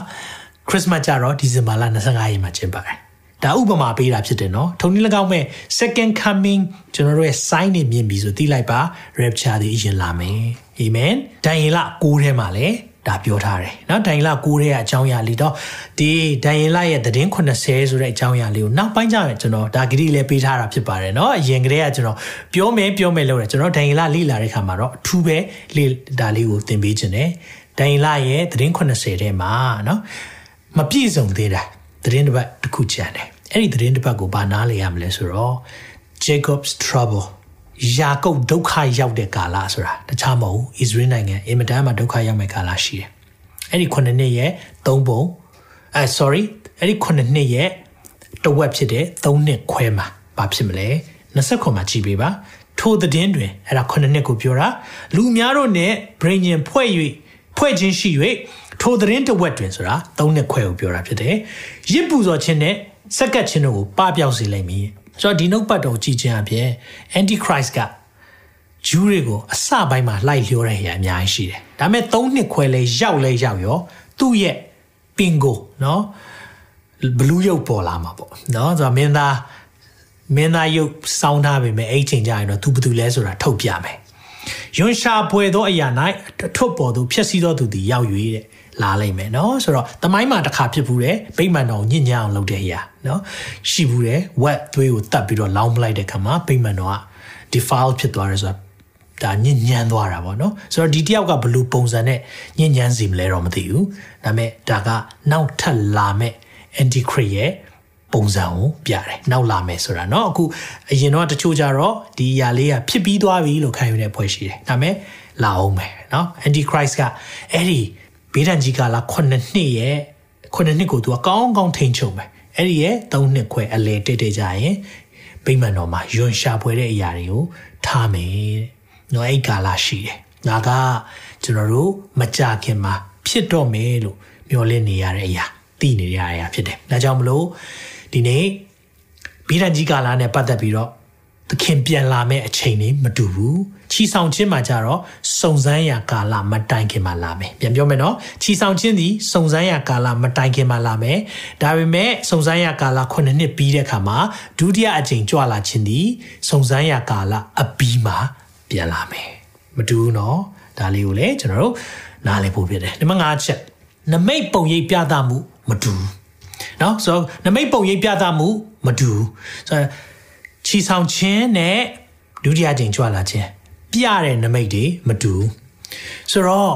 ချီဆောင်ခြင်းဒီနမိတ်မပြအောင်။ဘာကြောင့်လဲဆိုတော့တခိုးလာတဲ့ကဲသို့နော်လာမယ်ဆိုရင်ကျွန်တော် ready မလား။သိထားရင်စောင့်ပါလေ။ဒါကြောင့်မလို့နမိတ်မပြအောင်။ဗျာဒိတ်37မှာငါဒီအလင်းမြန်လာပြီ။ ဒါပဲသခင်ကပြောတာနော်။ဒါလွန်ခဲ့တဲ့နှစ်ပေါင်း2000တော့ကသူပြောတာနော်။ငါဒီအလင်းမြန်လာပြီတဲ့။တင်းသဖူတရဖူအဘယ်သူမျှမယူစေခြင်းကရခဲ့ပြီးတော့အရာကိုဆွဲကင်လို့ကျွန်တော် ready ဖြစ်ထားလား။ဒါကိုနားလည်ဖို့လိုတယ်နော် ready ဖြစ်ထားလားငါဒီအလင်းမြန်လာပြီဒါပဲ rapture ရဲ့ဆိုင်ရာလင်းမြန်လာမယ်ကြိုက်တဲ့အချိန်ဖြစ်နိုင်တယ်မျက်စိတမိတ်လက်တစ်ပြက်တည်းဖြစ်နိုင်တယ်ဒီအချိန်ကိုကျွန်တော်တို့တွေကအမြဲတမ်း ready ဖြစ်ထားဖို့လိုတယ်ဒါမဲ့ ယာကုပ်ငါအငယ်ကိုမှဘယ်လိုပြောလဲဆိုညီကိုတို့စစ်ကြောစီရင်ခြင်းနဲ့ကင်းလွတ်မိကြအောင်ချင်းချင်းညင်းကုန်ပြစ်တဲ့ခြင်းကိုပြုကြနဲ့တရားစီရင်ပိုင်တော်သူသည်တကားနာမှာရှိတော်မူ၏တကားနာရှိနေပြီလာတော့မှာတရားစီရင်ပိုင်တဲ့သူလာတော့မှာဒါလွန်ခဲ့တဲ့နှစ်ပေါင်းထောင်တော့သခင်ယေရှုရဲ့ညီတော်ယာကုပ်ကရေးထားတာသသခင်ပြန်လာမယ်နော်အလင်းပြန်ပြန်လာမယ်နော်တကားနာရောက်နေပြီနော်သူတို့အဲ့လိုမျိုးကို ready ထားတယ်ကြည့်အောင်သူတို့အဲ့လိုမျိုး ready ထားတာ တချို့ကထင်တယ်အားဆရာရဲ့လူကြီးလူတွေဆရာလည်းပြောလာတာတစ်နှစ်နဲ့နဲ့သူတို့နှစ်ပေါင်း2000ကလေးကအဲ့လိုပြောတာအလင်းပြန်လာမယ်နော်တကားနာရောက်နေပြီနော်ဒီနေ့ ready ထားပါ ready ထားပါဒါကိုပြောထားတာဖြစ်တယ်ဆိုတော့ဒါကိုကျွန်တော်တို့နားလည်ရတယ်ရှင်ပေါလုကြတော့ဘယ်လိုပြောလဲဖိလိပ္ပိ3:20မှာ ငါတို့ကျင့်သောအကျင့်မူကားကောင်းကင်ဘုံနှင့်ဆက်ဆိုင်လျက်ရှိ၏ကဲတင်တော်မူသောအရှင်သခင်ယေရှုသည် ကောင်းကင်ဘုံမှကြွလာတော်မူမီကိုငါတို့သည်မျှော်လင့်လျက်နေကြ၏ဟာလေလုယာဒါပဲယုံကြည်သူတယောက်ကဘာလဲယုံကြည်သူရဲ့အသက်ရှင်ခြင်းမျှော်လင့်ဆုံးကဘာလဲအင်ကြီးကြီးဝယ်နိုင်ဖို့လုံချင်းနဲ့နေနိုင်ဖို့နောက်ဆုံးဘကားစီးနိုင်ဖို့တကယ်စစ်မှန်တဲ့ယုံကြည်သူတွေဘယ်လိုပဲပြောလဲငါတို့အချင်းနဲ့အချင်းကောင်းကင်နဲ့ဆက်ဆိုင်တယ် ဒါကြောင့်မလို့သခင်ပြန်လာမဲ့ကြွလာမဲ့အချိန်ငါတို့မျှော်လင့်နေတယ်မျှော်လင့်ချက်ကအဲ့ဒါ rapture ကိုမျှော်လင့်တာအာမင်ဒါဆိုရင်ဘေးရန်ကြီးကလာထဲမှာဖြတ်မဲ့အရာတွေ second coming sign တွေရှိလားအများကြီးရှိတယ် second coming ရဲ့ sign တွေသိချင်းမဿဲခရစ်ဝင်ကျမ်းခန်းကြီး24နဲ့25မှာဒါ second coming ရဲ့ sign အများဆုံးပါတယ်ဒါပေမဲ့မဿဲ24ထဲမှာလည်းချီဆောင်ခြင်း rapture နဲ့ပတ်သက်တဲ့ပိုက်တွေလည်းရှိသလို ဘေးရန်ကြီးကာလပြီးရင်ချီဆောင်ခြင်း sorry ဒုတိယအကြိမ်ကြွလာခြင်းအကြောင်းတွေလည်းအများကြီးပြောတယ်။အယောင်ဆောင်နေပေါ်လာမယ်အခုပေါ်လာနေပြီစစ်တိုက်အန်နဲ့ကတကယ်ကိုတိုက်နေပြီယူကရိန်းရုရှားအမတမျိုးနဲ့တမျိုးတနိုင်တဲ့တကန်ရံဘက်ပြူမာတော့အစာခေါင်းပါခြင်းအခုလာတော့မယ်နော်အဲဟာနဲ့ပတ်သက်ပြီးတော့လေကျွန်တော် Facebook ကြရင်တရက်လောက်ကြရင်အဲ့ဒီအကြောင်းကိုလေးနဲ့ထားပြီးပြောပြခြင်းတယ်ကာလနာများခြင်းနော် coronavirus မျိုးမျိုး variant တွေကွဲကွဲပြီးဖြစ်နေတယ်မြေကြီးလှုပ်ခြင်းနော်မြေလှုပ်တာတွေရေကြီးတာတွေအခုအများကြီးဖြစ်နေတယ်ပါကစ္စတန်နိုင်ငံဆိုရင်၃ပုံတပုံလောက်ရေထဲမှာရေအောက်ရောက်နေတယ်ဒီအရာတွေတွေ့တဲ့အခါမှာပါလဲဒုက္ခဆင်းရဲခြင်းရဲ့အစာအုပ်ပဲခုဒါတွေပိုဆိုးလာဖို့ပဲရှိတယ်။ဆိုတော့ဒီ sign တွေကျွန်တော်တို့မြင်နေပြီဆိုရင်ဒါပေးတန်ကြီးကာလ sign တွေဒါကနောက်ဆုံးသောဒီဒုတိယအချိန်မကြွလာခင်မှာဖြစ်မဲ့ sign တွေဆိုရင် ခုနပြောတဲ့ Christmas အတန်တွေကြားနေပြီဆိုရင် Thanksgiving လာတော့မယ်နော်ထုံနည်း၎င်းပဲဒုတိယအချိန်ကြွလာခြင်းမတိုင်ခင်လေးမှာဖြစ်မဲ့ sign တွေကိုမြင်တွေ့နေပြီဆိုရင်မိတ်ဆွေနားလည်လိုက်ပါ rapture ဒီတအားနီးနေပြီ hallelujah ညင်စေခြင်းတွေလာမယ်သင်တို့မုန်းမယ်ငါနာမကြောင့်မုန်းမယ်မှန်တယ်အခုယုံကြည်သူတွေအယံမုန်းခံနေရတဲ့ကာလဖြစ်တယ် များသောသူတို့ဖောက်ပြန်မယ်တယောက်နဲ့တယောက်အကြမယ်ဒလန်နေများမယ်ချင်းချင်းမုန်းကြမယ်ချစ်ချင်းမြတ်တာခေါင်းပါမယ်ဒီကိစ္စတွေဖြစ်ပြီလားဖြစ်ပြီဒီရဲ့ sign တွေကျွန်တော်တို့အများကြီးရှိတယ်ကျွန်တော်သိစိတ်တော့မသွားတော့ဘူးဒီနေ့မှာဒီရဲ့ကြီးစွာတဲ့ဒုက္ခတွေဖြစ်လာပြီးတဲ့ခါကျရင်တော့အဲ့ဒီမှာသခင်ပြန်လာတော့မယ်သခင်ပြန်လာတော့မယ် rapture ဟာတိတ်နီးနေပြီဒီမှာဒါလေးတော့ကျွန်တော်ဖတ်ချင်တယ် မဿဲ24အငယ်26အနေဖတ်ချင်တယ်ထို့ကြောင့်သင်တို့ကခရစ်တော်သည်တော၌ရှိသည်ဟုဆိုတော့မထွက်သွားကြနဲ့ခရစ်တော်တောမှာရှိတယ်တိုက်ခန်း၌ရှိတယ်တိုက်ခန်းလို့သုံးတာရယ်နော်ပြောချင်တာမြို့ပြအဲ့မြို့မှာလည်းရှိတယ်ကိုတရုတ်တရုတ်ပြည်မှာရှိတယ်တို့ဘာလို့ကြားတယ်တရုတ်မှာအဖြစ်ပြန်လာတယ်တို့ဒါတွေကနောက်ဆုံးသောကာလရဲ့နောက်ဆုံးသောအပိုင်းမှာဖြစ်မဲ့ဆိုင်းနေ ရက်စစ်သည့်အရှိမပြည့်၍အနောက်တိုင်အောင်ထွန်းလင်းတဲ့ကဲ့သို့လူသားသည်ကြွလာတော်မူသတ်အသေးကောင်ရှိရ၌ရွှေလင်းသားတို့ရွှေလင်းလာလဒါတွေစုဝေးမယ်ထိုကာလ၌ဆင်းရဲဒုက္ခချင်းတော့ရုတ်တရက်နေမိုက်နေရနေမိုက်လိမ့်မယ်လာသည်အလင်းအောင်ပေးကျဲလို့ဒီကောင်းကင်ကကြားလိမ့်မယ်ကောင်းကင်တကူတုံလိမ့်မယ်အဲ့ဒါပါလဲဆိုတော့လူသားရဲ့နမိတ်လက္ခဏာခုနကျွန်တော်တို့အဲ့ဒီဟာလေးကိုဖတ်ခဲ့တယ်မြေကြီးသားအပေါင်းငိုကြွေးပြီးမြင်မယ်တဲ့ အဲ့ဒီမြင်တာတခြားမဟုတ်ဘူး second coming ခရစ်တော်ပြန်ကြွလာတဲ့အချိန်မှာမြင်မှာငိုကြွေးကြမှာဒါပေမဲ့ rapture signless ဘာ sign မှမတွေ့ဘူးဒါပေမဲ့အခုကျွန်တော်တို့ကြုံတွေ့နေရတဲ့ sign တွေအခုကျွန်တော်တို့ပြောနေတဲ့ဒီအာရေစကြည်လာစစ်ပွဲ sign တွေစသဖြင့်ဒါပါလေနောက်ဆုံးသောကာလရဲ့အထဲမှာရှိနေပြီဆိုတဲ့ sign တွေဖြစ်တယ်သင် ready ဖြစ်ထားဖို့လိုတယ်အာမင်အဲကြောင့်ချီဆောင်ခြင်းမှာနမိတ်ပုံရိပ်မပြဘူးအချိန်မီဖြစ်နိုင်တယ်ဒု တိယချိန်ကြွလာခြင်းရောနမိတ်ပုံရိပ်များစွာပြနိုင်မယ်ဒါကြောင့်တော့အခုကျွန်တော်ဒုတိယချိန်ကြွလာခြင်းရဲ့ sign တချို့တွေ့နေရပြီဒါကြောင့်သိထားပါချီဆောင်ခြင်းအရန်နီးနေပြီငါသည်အလင်းမြန်ပြန်လာမယ်ဟာလေလုယာငွေ6တရားစီရင်တဲ့ပုံမတူချီဆောင်ခြင်းမှာတရားစီရင်ခြင်းမရှိဘူးဘာကြောင့်မရှိလဲသခင်ကသူနေမဲ့အရာကိုကျွန်တော်တို့စီကိုခေါ်သွားမယ်တဲ့မိုးတိမ်မှာခေါ်သွားမယ် သခင်ဖျားနဲ့အတူအစင်မပြတ်နေရမယ်အဲ့လိုနေတဲ့ခါကျတော့ချင်းချင်းတယောက်ကိုတယောက်သက်သာစေပါတဲ့ဟာလေလုယာဒီနေ့ချီဆောင်ခြင်းကကျွန်တော်တို့ချီဆောင်ပြီးတော့အေးအိတ်ကြမှာကျွန်တော်တို့ကိုစစ်အောင်မယ်လို့မဟုတ်ဘူးသင်နဲ့ကျွန်တော်ကခရစ်တော်ကယ်တင်ပိုင်ရှင်နဲ့အရှင်သခင်ပြလက်ခံထားပြီးပြီဆိုရင်ကျွန်တော်တို့ရဲ့ past sin တွေ present sin future sin ကျွန်တော်တို့အပြစ်တွေအားလုံးကိုလက်ဝါးကားတိုင်းမှာပေးပြီးသွားပြီအာမင်စီရင်ပြီးသွားပြီဖခင်အမျက်တော်လက်ဝါးကားတိုင်းမှာသွန်းလောင်းပြီးသွားပြီ it is finished amen အမှုပြီးပြီအကြောင်း rapture မှာသွားမဲ့သူတွေကောင်းကင်မှာတခုပဲသခင်ရှေ့မှာရရမယ်ဖခင်ခိုင်းထားတဲ့ဟာတွေလုပ်ရလားအာမင်အမှုတွေအားလုံးခြေပေးလိုက်တဲ့အခါမှာဖခင်သားသမီးအဖြစ်ပြပြတတ်နေရလားဒီအတွက်ဆုလက်ပေးခြင်းတဲ့အရာတခုပဲရှိတယ်ဒါပေမဲ့ ဒုတိယချိန်ကြွလာခြင်းမှာတော့စီရင်ချက်တွေအများကြီးရှိတယ်ဘာတွေဖြစ်မလဲလာတာနဲ့ဥစားခရစ်ဆက်လေးမှာဗာပြောလဲထာဝရဘုရားသည်ဆက်လေးအငယ်သုံးပါထာဝရဘုရားသည်စစ်တိုက်ရာကာလ၌တိုက်ရခဲ့သို့ဤလူမျိုးတို့ကိုတိုက်သွားတော်မူလိမ့်မည်တဲ့စစ်တိုက်တယ်လို့ပဲတိုက်မယ်လာတာနဲ့ကိုဘုရားတိုက်မှာနော်စီရင်ချက်ချမယ်အဲ့ဒီမှာတန်လွင်တောင်မှာချိန်ချမယ်ပြီးရင်သူ့ကိုလာတိုက်မဲ့သူတွေအားလုံးကိုဘုရားစီရင်မယ်စီရင်ခြင်းနဲ့လာတာဒါပဲမဟုတ်ဘူးပြီးကြတော့မာသဲ25ထဲမှာလည်း ဘာဘာပြောထားလဲဆိုတော့ငွေ37မှာလူသားသည်မိမိဘုံအာနုဘုံကိုဆောင်းလျက်တန်ရှင်သောကောင်းကင်မြတ်မြချွေရန်တို့နှင့်တကွကြွလာတော်မူသောအခါဘုံရှိသောပြင်ပေါ်မှာထိုင်၍ရှေ့တော်၌လူမျိုးအပေါင်းတို့ကိုစုဝေးစေသဖြင့်မဖျားစီရင်ပြီနော်ပါစီရင်မလဲတိုးထိန်သည်တိုးနဲ့စိတ်ကိုတို့ကိုအတီးတီးခွဲ၍တိုးတို့ကိုလက်ရတော်ဖက်စိတ်တို့ကိုလက်ဝဲတော်ဖက်၌ထားတော်မူလက်တကဲမိမိခွန်မိပါမယ်သင်ဟာတိုးလားစိတ်လားသင်ဟာတိုးလားစိတ်လား သိချဖြင်းနော်သင်ဟာတိုးလားစိတ်လားဒီမှာဒီကျမ်းပိုက်အရာပြောတာဖြစ်တယ်နော်ဒီကျမ်းပိုက်နဲ့ပတ်သက်ပြီးမေးတာဖြစ်တယ်ဆိုတော့ဖခင်တဲ့လူမျိုးပေါင်းထားပြီးတော့သိုးနဲ့စိတ်ပြန်ခွဲမယ်တဲ့အကယ်၍သင်ကသိုးလို့ဖြေတယ်ဆိုရင်တော့ rapture မှာကြံခဲ့တဲ့အဖွဲဖြစ်ပါလိမ့်မယ် rapture မှာကြံခဲ့တဲ့အဖွဲ အဲ့ဒီထဲမှာလည်းပြန်ပြီးပြောင်းလဲလာတယ်အခုကြားဘူးတယ်လीเนาะဒီရဲ့ခြေဆောင်ခြင်းကြောင်းနေနောက်ဆုံးသောကာလတွေကြားတယ်ဒါပေမဲ့မပြင်ဆင်ဘူးเนาะမပြင်ဆင်ဘူးတကယ်တော့ကျွန်တော်ဒီဒီကြားတဲ့လူတွေသိထားဖို့လိုတယ်။သိုးလည်းမဖြစ်ရဘူး၊စိတ်လည်းမဖြစ်ရဘူး။ဒီချမ်းပိုက်ရပြောတာနော်။သိုးလည်းမဖြစ်ရဘူး၊စိတ်လည်းမဖြစ်ရဘူး။ဘာကြောင့်လဲဆိုတော့ပြောပြမယ်။ဗိရန်ကြီးကာလကိုကျွန်တော်ဖြတ်တန်းလိုက်ဖြတ်တန်းမဲ့တစ်ဖွဲ့ရှိတယ်။ဗိရန်ကြီးကာလကိုဖြတ်တန်းမဲ့တစ်ဖွဲ့ရှိတယ်။အဲ့ဒီတစ်ဖွဲ့က ဖျားရဲ့ကယ်တင်ခြင်းကိုလည်းကြားဘူးတဲ့သူတွေပါကောင်းပါမယ်။ဒါပေမဲ့လက်မခံဘူး။ဖျားအသက်ရှင်စေတဲ့အတိုင်းလည်းအသက်မရှိဘူး။ဒီလိုနေတဲ့အဖွဲ့တွေရှိမယ်။ဒါပေမဲ့ချီဆောင်ခြင်းလဲပါသွားရောကိုကကြံခဲ့ရောအောက်မှာအဲ့ဒီကြံခဲ့တဲ့အချိန်ကြတော့အဲ့ဒီကြံခဲ့တဲ့အဖွဲ့ရှိမယ်နော်ဒါပေမဲ့ကြံခဲ့တဲ့ခါမှာတက်တေခန့်နှစ်ပါးတရားဟောမယ့်အရာတွေရှိတယ်ပြီးရင်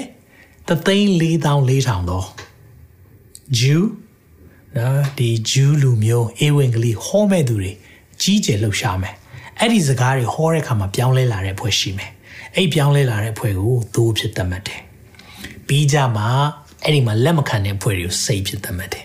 ဟောဒါချီဆောင်ခြင်းအပီးမှာဖြစ်တဲ့အဖွဲနှစ်ဖွဲကိုပြောတာဖြစ်တယ် ဒါပေမဲ့ဒီအချိန်ကကျွန်တော်တို့တော့သိုးလာသိုးတော့သိုးပါပဲဒီကြမ်းပိုက်ရတော့မဟုတ်ဘူးပေါ့နော်ဒါလေးကိုလည်းကျွန်တော်နားလဲစေချင်တယ်ဒါကြောင့်ဒီမှာသိုးနဲ့စိတ်ပြောဟာဆရာကျွန်တော်တို့သိုးမဟုတ်လို့ပြောတယ်စိတ်လည်းမဟုတ်ဘူးဆိုတာဒီကြမ်းပိုက်ရပြောတာဖြစ်တယ်နော် second coming ခရစ်တော်ဒုတိယအချိန်ပြန်လာတဲ့အခါမှာစီရင်နဲ့အဖွဲထဲကသိုးနဲ့စိတ်နဲ့မဟုတ်ဘူးလို့ပြောတာနော်ဒါလေးကိုလည်းနားလဲမှုမလွဲစေချင်ဘူးအရင်နားလဲထားပါဘေးရန်ကြီးကာလမှာပြောင်းလဲလာမယ့်အဖွဲကိုသိုးဖြစ်သတ်မှတ်ပြီးတော့ဘေးရန်ကြီးကာလမှာမပြောင်းလဲဘဲနဲ့ခရစ်တော်ညင်းမဲ့အဖွဲတွေကိုစိတ်ဖြစ်သတ်မှတ်တာကိုပြောတာဖြစ်တယ်เนาะဒါလေးကိုမရှုံးစေချင်ဘူးအဲကြောင့်မလို့သူတို့ကိုအဲ့ဒီမှာစိတ်တွေเนาะဒီမှာလက်မခံတဲ့သူတွေဖခင်ရဲ့စီရင်ခြင်းရှိမယ်ဆိုတာကိုသိစေချင်တယ်ဒါကြောင့်ချီဆောင်ခြင်းမှာစီရင်ခြင်းရှိမလား တစ်ခုပဲရှိမယ် be my judgment ခရစ်တော်ရဲ့တရားပလင်စီရင်ခြင်းဆိုတာယုံကြည်သူရဲ့တရားပလင်စီရင်ခြင်းဆိုတာကတော့ဆုလတ်ပေးမယ့်အရာပဲရှိမယ်ဒါပေမဲ့ဒုတိယချိန်ကြွလာခြင်းမှာတော့တိုင်းနိုင်ငံတွေပေါ်မှာအမျက်တော်သွန်းလောင်းမယ်ဒီရဲ့စီရင်ခြင်းရှိတယ်ဆိုတာကိုသိစေခြင်းတယ် okay နောက်နှစ်ချက်ပဲကြံတယ်နံပါတ်9ချက်ရှင်ပြန်ထမြောက်မဲ့သူတွေမတူဘူးချီဆောင်ခြင်းမှာထမြောက်မဲ့အဖွဲ့နဲ့ပြီးရင် second coming ဆိုရဲဒီ ဒုတိယအချိန်ကြွလာခြင်းမှာထမြောက်မဲ့သူတွေလည်းမတူဒါလေးကိုကြည့်ရအောင်ချီဆောင်ခြင်းမှာဘယ်သူထမြောက်မလဲတစ်သက်46ရဆိုရင်တော့ခရစ်တော်၌သေလျင်တဲ့သူတွေအရင်ထမြောက်မယ်နော်ခရစ်တော်၌အိပ်ပျော်တဲ့သူတွေအဲ့ဒီမှာခြီဆောင်ခြင်းမှာထမြောက်မယ်ဆိုတော့ခြီဆောင်ခြင်းမှာထမြောက်ကြမှာပဲအဲတချို့ကပြောတယ်ခြီဆောင်ခြင်းမှာထမြောက်တယ်ဒါကြောင့်ဝိညာဉ်ရရှိတယ်လို့မဟုတ်ဘူးနော်ခြီဆောင်ခြင်းမှာထမြောက်မဲ့အဖွဲ့တွေက သူတို့ဝိညာဉ်ပရာတိတုပုံမှာရှိပြီးသားသူတို့ဝိညာဉ်နဲ့ကိုယ်ခန္ဓာပြန်ပေါင်းတာကိုပြောချင်တာဖြစ်တယ်နော်ဒါကြောင့် soul sleep တို့နော်ဝိညာဉ်အိတ်သွားတယ်တို့ဘာလို့ခံယူချက်တွေဒါသမာတရားနဲ့မညီဘူးဆိုတာကိုလည်းပြောပြချင်တယ်ဒါကတော့ချီဆောင်ခြင်းမှာဘယ်သူထားမြောက်မလဲခရစ်တော်၌အိပ်ပျော်တဲ့သူတွေထားမြောက်မယ်ဒါဆိုရင် second coming ကြရင်ရောအဲ့ဒီကြတော့ဗျာဒိတ်20ထဲမှာเนาะဒါတွေဗျာဒိတ်20ဆိုတာအာဒါလေးနဲ့တဲ့အရာလေးနားထောင်ကြည့်အောင်ငယ်လေးနဲ့ငါ ပလင်များကိုလည်းငါမြင်ပလင်ပေါ်မှာထိုင်တော့သူတို့သည်တရားစီရင်ရသောအခွင့်ကိုရကြ၏တားရဲနဲ့သူရုပ်တုကိုမကိုးကွယ်အာတားရဲလက်ထက်ဆိုတာဘေးရန်ကြီးကာလထဲမှာတားရဲတားရဲရဲ့ဒစိတ်ကိုမယူဘူးသူဤဒစိတ်လက်မှတ်ကိုနဖူးနိုင်မခံလက်နိုင်မခံမဲနေ၍ယေရှုဤသက်သေးတော်သက်သေးခံတော်မူချက်နဲ့ဘုရားသခင်နှုတ်ကပတ်တော်ကြောင့်လေပင်ဖြတ်ခြင်းကိုခံရသောသူတို့၏ဝိညာဉ်များကိုလည်းငါမြင်၏တဲ့။နောက်ခရစ်တော်အတွက်ဘေးဒဏ်ကြီးကာလမှာသက်ရှင်သွားတယ်။ ဘသူတွေလဲတသိန်း4400သောဂျူးအေဝံဂေလိဟောမဲ့သူတွေလည်းပါတယ်။အဲ့ဒီကနေပြောင်းလဲတဲ့အဖွဲ့တွေလည်းရှိနေမယ်။ဒီအဖွဲ့တွေကိုသူမြင်တယ်တဲ့။သူတို့ဒီအသက်ရှင်ပြီးအနှစ်အနှစ်တစ်ထောင်ပတ်လုံးခရစ်တော်နဲ့အတူစိုးစံရကြ၏။ come to life တဲ့အသက်ပြန်ရှင်တာ။နော်အင်္ဂလိပ်ကျမ်းစာမှာဆိုပြန်ပြီးအသက်ရှင်ပြီးတော့ခရစ်တော်နဲ့အတူစိုးစံတယ်တဲ့အဲကြောင့်မလို့ဘေးဒဏ်ကြီးကာလမှာလုံးဝသားရဲတဲ့စိတ်မယူပါနဲ့အကယ်၍သင်ကြံခဲ့တယ်ဆိုရင်ကျွန်တော် seriously ပြောမယ်တချို့တွေကြံခဲ့မယ် ချီဆောင်ခြင်းမှာကြံခဲ့တယ်ဆိုရင်လုံးဝနော်ခရစ်တော်မငင်းနဲ့တော့အဲ့ဒါအဲ့ဒီအချိန်မှာသင်ငင်းပြီဆိုရင်တော့သင်အတွက်သာဝရစီရင်ကြံရမိနိုင်မယ်အဲ့ဒါပေမဲ့ဒီနှုတ်ပတ်တော်တွေကြားထားတယ်ဒီနေ့ပြင်ဆင်တော့အကောင်းဆုံးပေါ့ခြီဆောင်ခြင်းအတွက်ဒါပေမဲ့သင်ကမပြင်ဆင်ထားဘူးချိုးတွေဘလောက်ပြောပြောကျွဲပါဆောင်တီးဖြစ်နေတဲ့အဖွဲ့တွေရှိသေးတယ်ဆရာတွေလည်းပါတယ်မှုတော်ဆောင်တွေလည်းအဲ့ဒီကြံခဲ့မဲ့အဖွဲ့တွေနဖူးနဲ့ လက်ရဖက်မှာပေးမဲ့တားရဲတစ်စိလုံးဝမယူနဲ့နော်ခရစ်တော်အတွက်အဲ့ဒီချိန်ကြရင်တော့သင်လေပင်ဖြတ်မယ်ဆိုရင်လည်းအဖြတ်ခံလိုက်ပါ။ဘာကြောင့်လဲသင်အတွက်ပြန်ပြီးထမြောင်ခြင်းရှိတယ်မှာ။နော်ဒီနှုတ်ပတ်တော်ရ။အဲကျွင်းသောသူတို့သည်နှစ်တစ်ထောင်မကုန်မီအသက်မရှင်ရကြဆို။နှစ်တစ်ထောင်လုံးလုံးဝအဲ့မှာနော်တချို့တွေပြန်မရှင်ဘူးဒါပေမဲ့ပြန်ရှင်တဲ့အဖွဲ့တွေရှိတယ်ခရစ်တော်ကိုလက်ခံတဲ့အဖွဲ့တွေရှိတယ်ဒါလေးကိုတမန်ကျမ်းစာထဲမှာရှင်းရှင်းလင်းပြောထားတယ်အကြောင်းဒီနေ့ကျွန်တော်တို့တွေပြင်ဆင်ရအောင် နော်ပေရန်ကြီးကာလာကိုဖျက်ပြီးမှပဲခေါင်းဖြတ်ခံမယ်ကွာဆိုရင်လည်းတင်သဘောပါဒါမဲ့ဒီချိန်ဟာကေဒီယာနေ့ဖြစ်တယ်ဒီနေ့ဟာကေဒီယာနေ့ဖြစ်တယ်ခရစ်တော်ကိုလက်ခံပြီးတော့ကိုးကွယ်ဖို့လိုတယ်။ဒါကြောင့်မလို့ချီဆောင်ခြင်းမှာဘယ်သူတွေထားမြောက်မလဲ။ခရစ်တော်ကိုလက်ခံတဲ့ယုံကြည်သူများထားမြောက်မယ်။ဒုတိယအချိန်ကြွလာခြင်းမှာရောဘေးဒဏ်ကြီးကာလမှာပြောင်းလဲမဲ့ယုံကြည်သူများเนาะဘေးဒဏ်ကြီးကာလကိုဖျက်ပြီးမှပဲပြောင်းလဲလာမဲ့ယုံကြည်သူတွေထားမြောက်မယ်။ဒါကို နားလည်စေခြင်းတယ်။အာမင်။နောက်ဆုံးချက်ယုံကြည်သူများရရှိမဲ့ကိုယ်ခန္ဓာမတူဘူး very exciting again I, I am excited တအားကိုစိတ်လှုပ်ရှားစရာကောင်းတဲ့အရာလေးဒီမှာရှိတယ်ကိုခန္ဓာ rapture မှာပါသွားမဲ့သူနဲ့ second coming မှာမာခုနပြောတဲ့ပြန်ရှင်မဲ့အဖွဲ့တွေနဲ့ရမဲ့ကိုခန္ဓာမတူဘူးတဲ့ကျမ်းစာထဲမှာရှင်းရှင်းလေးပြောထားတယ်တစ်ကော15ငယ်51မှာမပြောလဲဆိုတော့နည်းနည်းရရတခုကိုငါပြအောင်မီအရှင်ဘောလူကနော် mystery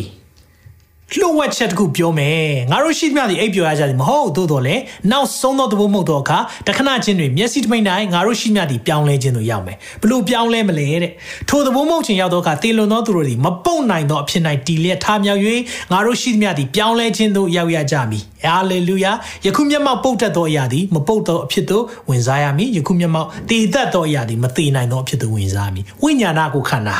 ကျွန်တော်အခုပုတ်ပြတ်တတ်တဲ့ကိုခန္ဓာတွေချက်ချင်းပြောင်းသွားမယ်တဲ့ဘယ်အချိန်မှလဲနောက်ဆုံးသဘောမှုတ်ပြီးတော့ခရစ်တော်ပြန်လာတဲ့အချိန်နည်းနည်းတဲ့အရာတခုပြောအောင်မယ်နော်တဲ့အဲ့ဒီတဘိုးမဟုတ်ချိန်လာတဲ့အချိန်မှာရှိနေတဲ့သူတွေကျွန်တော်တို့ကိုခန္ဓာပုတ်ပြက်တတ်တဲ့ကိုခန္ဓာအခုဒါသေတတ်တယ်နာတတ်တယ်နော်ကျွန်တော်ထိခိုက်တတ်တယ်ဒီရအားလုံးဟာ ရုတ်တရက်ပြောင်းသွားမယ်တဲ့ဟာလေလုယာအဲ့လိုရုတ်တရက်ပြောင်းသွားတဲ့အရာမပုတ်နိုင်တဲ့အဖြစ်ကိုဝင်စားရမယ်တဲ့သေတတ်တဲ့အရာခုသေတတ်လားသေတတ်တယ်ဒါပေမဲ့မသေနိုင်တဲ့အဖြစ်မသေတော့ဘူးအဲ့ဒီကိုခန္ဓာရမယ်တဲ့ပြောင်းသွားမှာဘယ်ချိန်မှလဲမျက်စိတမိန်လက်တစ်ပြက်ဟာလေလုယာဘလောက်ကောင်းလိုက်တဲ့စကားလဲဒီစကားတွေနဲ့သက်သာပါစေခပြီးရင်ဒီမှာဗာပြောလဲဆိုတော့ Philippi Aura စာခန်းကြီး3ငွေ27ရှင်ဘောလူကဘယ်လိုထပ်ပြောသေးလဲဆိုတော့ထိုသခင်သည်ခတ်သိမ်းသောအရာတို့ကိုပင်မိမိအောင်၌နှိမ်ချတော် နှိမ်ချနိုင်တော်မူသောပြုပြင်အားထုတ်ခြင်းအပြင်ယုံညံ့သောငါတို့၏ကိုယ်ခန္ဓာကိုပင်ယုံညံ့သောယုံညံ့တယ်ဆိုတာအခုလိုပဲသေတတ်တယ်နားတတ်တယ်ဒီလိုဖြစ်နေတဲ့ကိုယ်ခန္ဓာကိုပင်ဘုံတည်နဲ့ပြည့်စုံသောကိုခန္ဓာတော်ဤနီးတူဘုံသည်နဲ့ပြည့်စုံတဲ့ကိုခန္ဓာတော်ဆိုတာသခင်ယေရှုရမယ်ကိုခန္ဓာကဲ့သို့ဖြစ်စေခြင်းကအသစ်ပြင်ဆင်တော်မူလက်တဟာလေလုယာဂရိရှိတယ်နော်ဘုရားဂရိရှိတယ် rapture မှာရမယ်ကိုခန္ဓာ ဟာလေလုယာဒါတွေနှုတ်ပတ်တော်နဲ့ကျွန်တော်တို့ချိန်ထိုးတဲ့အခါမှာကျွန်တော်တို့အတွက်ခုကြုံရတဲ့အရာတွေဒီခံရအောင်ခုဖြတ်တန်းနေရတဲ့ခက်ခဲခြင်းတွေဒီနေ့ရင်ဆိုင်ရအောင်သခင်ခွန်အားနဲ့အာမင်သခင်ကျွန်တော်တို့ကိုပြစ်ထားခဲ့တာမဟုတ်ဘူးသခင်ပြန်လာတော့မယ်မိတ်ဆွေသခင်ပြန်လာတော့မယ်ဒီအရာကိုကျွန်တော်တို့တွေအမြဲတမ်းသိထားဖို့လိုတယ်ဟာလေလုယာထပ်ပြောတယ်ဘာကုခဏလဲလူကာ20 34မှာယေရှုကလည်းယခုဘဝသားတို့သည် စုံဖက်ခြင်းထိမ်းများပေးစားခြင်းကိုပြုရကြ၏သူ့ကိုမေးတယ်ဘလို့ကိုခန္ဓာတွေရမှာလဲเนาะမေးတယ်နောက်ဘဝကို၎င်းသိခြင်းမှာထားမြောက်ခြင်းကို၎င်းရထိုက်သည်ဟုမှတ်တော်မူခြင်းကိုခံတော်သူတို့သည်စုံဖက်ခြင်းထိမ်းများပေးစားခြင်းကိုမပြုတတ်သိခြင်းနဲ့အစဉ်ကင်းလို့၍ကောင်းကင်တမန်ကဲ့သို့ဖြစ်သည်သာမက ထားမြောက်ခြင်းဤသားဟာလေလုယာဖြစ်သောကြောင့်ဘုရားသခင်ဤသားဖြစ်ကြ၏အာမင်အဲ့ဒီမှာရှင်ပြန်ထားမြောက်မဲ့သူတွေရတဲ့ကိုခန္ဓာတွေမှာစ၍ကြံခဲ့ပြီးတော့ rapture မှာเนาะချီဆောင်ခြင်းမှာပါမဲ့သူတွေကျွန်တော်တို့ထိမ်းများဆုံဖက်ခြင်းတွေလုံးเสียမလို့တော့ဘူးဝိညာဏကိုခန္ဓာเนาะအဲ့ဒီမှာကောင်းကင်တမန်ကဲ့သို့ဖြစ်သွားပြီအဲ့ဒီကိုခန္ဓာကောင်းကင်တမန်ကဲ့သို့ဖြစ်ယုံတာမက ဘာပြောလဲထမြောက်ခြင်းဤသားအာမင်ဝန်ခံမအောင်ကျွန်ုပ်ဒီထမြောက်ခြင်းဤသားဖြစ်တယ်လို့ဝန်ခံမအောင်အာမင်ကျွန်ုပ်ဒီထမြောက်ခြင်းဤသားဟာလေလုယာကျွန်တော်တို့ကထမြောက်ခြင်းရဲ့သားဖခင်ပြတဲ့ဂရုတော်တွေအများကြီးရှိတယ်အာမင်ဒါပေမဲ့အကယ်၍သင်ဟာချီဆောင်ခြင်းမှာမပါသွားရင်တော့ဘယ်လိုကုတ်ခန္ဓာရမလဲ နော်အဲ့ဒီမှာရမယ်ကိုခန္ဓာကိုလည်းပြောတယ်ဟေရှာ65အငယ်22ကနေပါပြောလဲဆိုတော့သူတို့ဒီအိမ်ကိုစောက်ရအခြားသောသူနေရမည်မဟုတ်သူတို့ဒီစပစ်ဥယျာဉ်ကိုစောက်ရအခြားသောသူစားရမည်မဟုတ်ငါဤလူလူတို့အသက်သည်တစ်ပင်ရဲ့အသက်ကဲ့သို့ဖြစ်၍သူတို့သည်ကိုပြုစုသောအရာကိုကြာမြင့်စွာသုံးဆောင်ရကြလိမ့်မည်ငါရွေးကောက်သောသူတို့သည်အချီးနီးမလုံဆောင်မလုံမဆောင်ရကြအသက်တူသောသားကိုမဖွားမမြင်ရကြ ကိုယ်တိုင်မှဆိုင်၍အမျိုးအနွယ်တို့သည်ဖျားသခင်ပေးတော်မူသောကောင်းကြီးမင်္ဂလာကိုခံရတော်သူဖြစ်တယ်။အဲ့မှာကြတော့အသက်မတူဘူးတဲ့။မွေးလာမယ်နော်အကုန်လုံးအသက်တူသောသားကိုမဖွာရအောင်ဆိုတော့သားဖွာခြင်းနေရှိမယ်။ဆိုတော့ပြောချင်တဲ့သဘောကဘာလဲ။ second coming မှာကြမှာဒုတိယကြိမ်ကြွလာခြင်းကြမှာရမယ်။အဲ့ဒီကြမှာဒါသင်ကအာသခင်ကိုနော်အဲ့ဒီကြမှာ second coming မှာရမယ်ကိုခံတာကြတော့ ကျွန်တော်အခုကိုခန္ဓာလိုပဲဒါပေမဲ့အသက်တော့ရှိမယ်ဆိုတဲ့အရာကိုပြောတာဝိညာဏကိုခန္ဓာမဟုတ်เนาะဒီနှစ်ခုမတူရမယ်ကိုခန္ဓာမတူဒါကြောင့်ကြည်ဆောင်ခြင်းမှာပါသွားရင်တော့ဝိညာဏကိုခန္ဓာရမယ်ဒုတိယအချိန်ကြွလာခြင်းမှာမဆိုရင်တော့ပုံမှန်ကိုခန္ဓာဒါပေမဲ့အသက်ရှိမယ်เนาะဒီလိုမျိုးဖန်ဆင်းခြင်းအရင်ဖျားထားတဲ့ပုံစံမျိုးပြန်ပြီးအသက်ရှင်မဲ့ပုံစံမျိုးဖြစ်ပါလိမ့်မယ်ဒါပေမဲ့ကြီးဆောင်ခြင်းမှာပါမဲ့သူတွေအတွက်တော့ အင်မတန်မှကောင်းတဲ့အရာလေးတွေဖြစ်တယ်ဟာလေလုယာထမြောက်ခြင်းရဲ့သားဖြစ်တယ်မိတ်ဆွေဒီနေ့ပြောတဲ့အကြောင်းအရာလေးတွေလေးနဲ့ပါတယ်နော်တချို့ຢာလေးတွေပြန်နားထောင်ပါပြန်ပြီးတော့နော်ဟိုတရားတော်ကိုဆင်ခြင်အောင်မေးပါစမြုပ်ပြန်တာနော် နော်စမြုပ်ပြန်နေဆိုတဲ့အရာကအော်ကျွန်တော်တို့ကမကောင်းတဲ့ဘက်ကိုသုံးတာများတယ်ပေါ့နော်ဖြစ်ပြအကြောင်းခဏခဏဘာလို့ပြန်ပြောနေတာလဲကျွန်တော်တို့ကကိုယ့်ရဲ့နာကျင်မှုတွေကိုခံစားချက်တွေဆိုခဏခဏစမြုပ်ပြန်တတ်တယ်ဒါပေမဲ့ဖခင်ကကျွန်တော်တို့ကိုဖြစ်စီခြင်းနဲ့စမြုပ်ပြန်ခြင်းကြတော့သူ့ရဲ့နှုတ်ပတ်တော်တွေကိုပြန်နားထောင်ပြန်ပြီးတော့နှလုံးသွင်းဆင်ခြင်ပြီးတော့အော်ကိုတော့ကျွန်တော်တို့ပြင်ဆင်ထားတဲ့နေစရာအခန်းအများကြီးရှိတယ်ပြီးမဲ့ကိုခန္ဓာတွေလဲဝိညာဏကိုခန္ဓာကောင်းကင်မန်ကဲ့သို့ထားမြောက်ခြင်းရဲ့သားဖြစ်ကြောင်းပြမှာဒါတွေကိုမြဲတဲ့စမြုပ်ပြန်ရအောင်စင်ချင်ရအောင်တယောက်နဲ့တယောက်တွေ့ရင်လည်းမရနာသာစိတ်ဓာတ်မကြနဲ့ညီမကြီးစိတ်ဓာတ်မကြနဲ့ညီလေးကြီးဘာကြောင့်လဲပြောရအောင်တယောက်နဲ့တယောက်သခင်ပြန်လာမယ်နော်အခုရဲရဲဝံ့ဝံ့နဲ့အာတင်ထားပါဟာလေလုယာဤစကားများနဲ့သက်သာပါစေကျွန်တော်ယုံကြည်ပါတယ်ဒီစကားတွေနဲ့ဘုရားအသင်ကိုနှစ်သိမ့်ခြင်းပေးပါစေနေ့ရက်သက်သာမှာဒီနေ့မှာ ready လုပ်ထားပါသခင်ပြန်လာတော့မယ်သခင်ပြန်လာတော့မယ်သခင်ပြန်လာတော့မယ်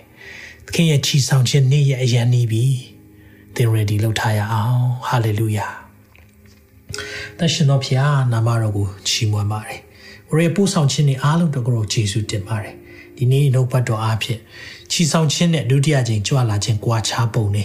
ဒီကြားထဲမှာကျွန်တော်တို့ ဖြစ်မဲ့အကြောင်းအရာတွေကိုလည်းနားလည်စေလို့သိစေလို့ယေရှုတင်တယ်ဒီနှုတ်ပတ်တော်တွေကိုကိုရောကိုယ်တိုင်ရှင်းပြပေးပါနားလည်စေပါကျွန်တော်ဒီအရာအားလုံးကိုပြန်လည်၍စင်ချင်အောက်မေ့တော်သူများဖြစ်စေပါအဲကျွန်တော်တို့ရမယ့်ကိုယ်ခန္ဓာမတူကိုရောတွေးမဲ့နေရမတူကိုရောကျွန်တော်တို့အတွက်ထားတဲ့ဆုလက်လည်းမတူအရာအားလုံးကိုယ်ကိုယ်ပြပြသိရှိလျက်ကျွန်တော်တို့ရဲ့တတ်မှတ်ခြင်းရုပ်တုကိုဖယ်ရှားနိုင်ပါမည်အကြောင်းကိုရဲ့သားသမီးများကိုကောင်းချီးပေးပို့ဆောင်ပါ ချိန်တိုင်းအားလုံးအတွက်ယေရှုတော်ချီးမွမ်း၏သားတော်မြတ်သခင်ယေရှုနာမ၌စက္ကန့်နဲ့ဆုတောင်းပါ၏အာမင်အာမင်သာရဖျားသည်သင်ကိုကောင်းချီးပေး၍ဆောင်မတော်မူပါစေသောသာရဖျားသည်သင်၌မျက်နာတော်အလင်းကိုလွှတ်၍ဂိယူနာယေရှုပြုတော်မူပါစေသောသာရဖျားသည်သင်ကိုမျှော်ကြည့်၍ချမ်းသာပေးတော်မူပါစေသောငွေကြီးနဲ့ဝယ်လို့မရတဲ့လူတွေမပေးနိုင်တဲ့ဖျားရဲ့ညီသက်ချင်းများ ကြွယ်ဝခြင်းများနဲ့ပျော်ရွှင်ခြင်းများတင်တဲ့တင်မိသားစုပေါ်မှာတက်ရောက်ပါစေသခင်ရှုနာမ၌ကောင်းချီးပေးဆုတောင်းပါရယ်နောက်ထောက်လွှင့်ချက်မှာပြန်လည်ဆုံတွေ့ပါအောင်မယ်တင်ခုလိုနာဆင်ခွန်အားနိုင်ခြင်းဟာမြန်မာ Worship Ministry ကိုလာဆင်ပန်ပိုးနေကြတဲ့ Kingdom Partners များအကြောင်းဖြစ်ပါတယ်။ဖျားခင်နိုင်ငံတော်ကျယ်ပြန့်ရေးအတွက်လာဆင်ပေးကမ်းပောင်းဖို့ရန်ဖိတ်ခေါ်လိုပါတယ်ရှင်။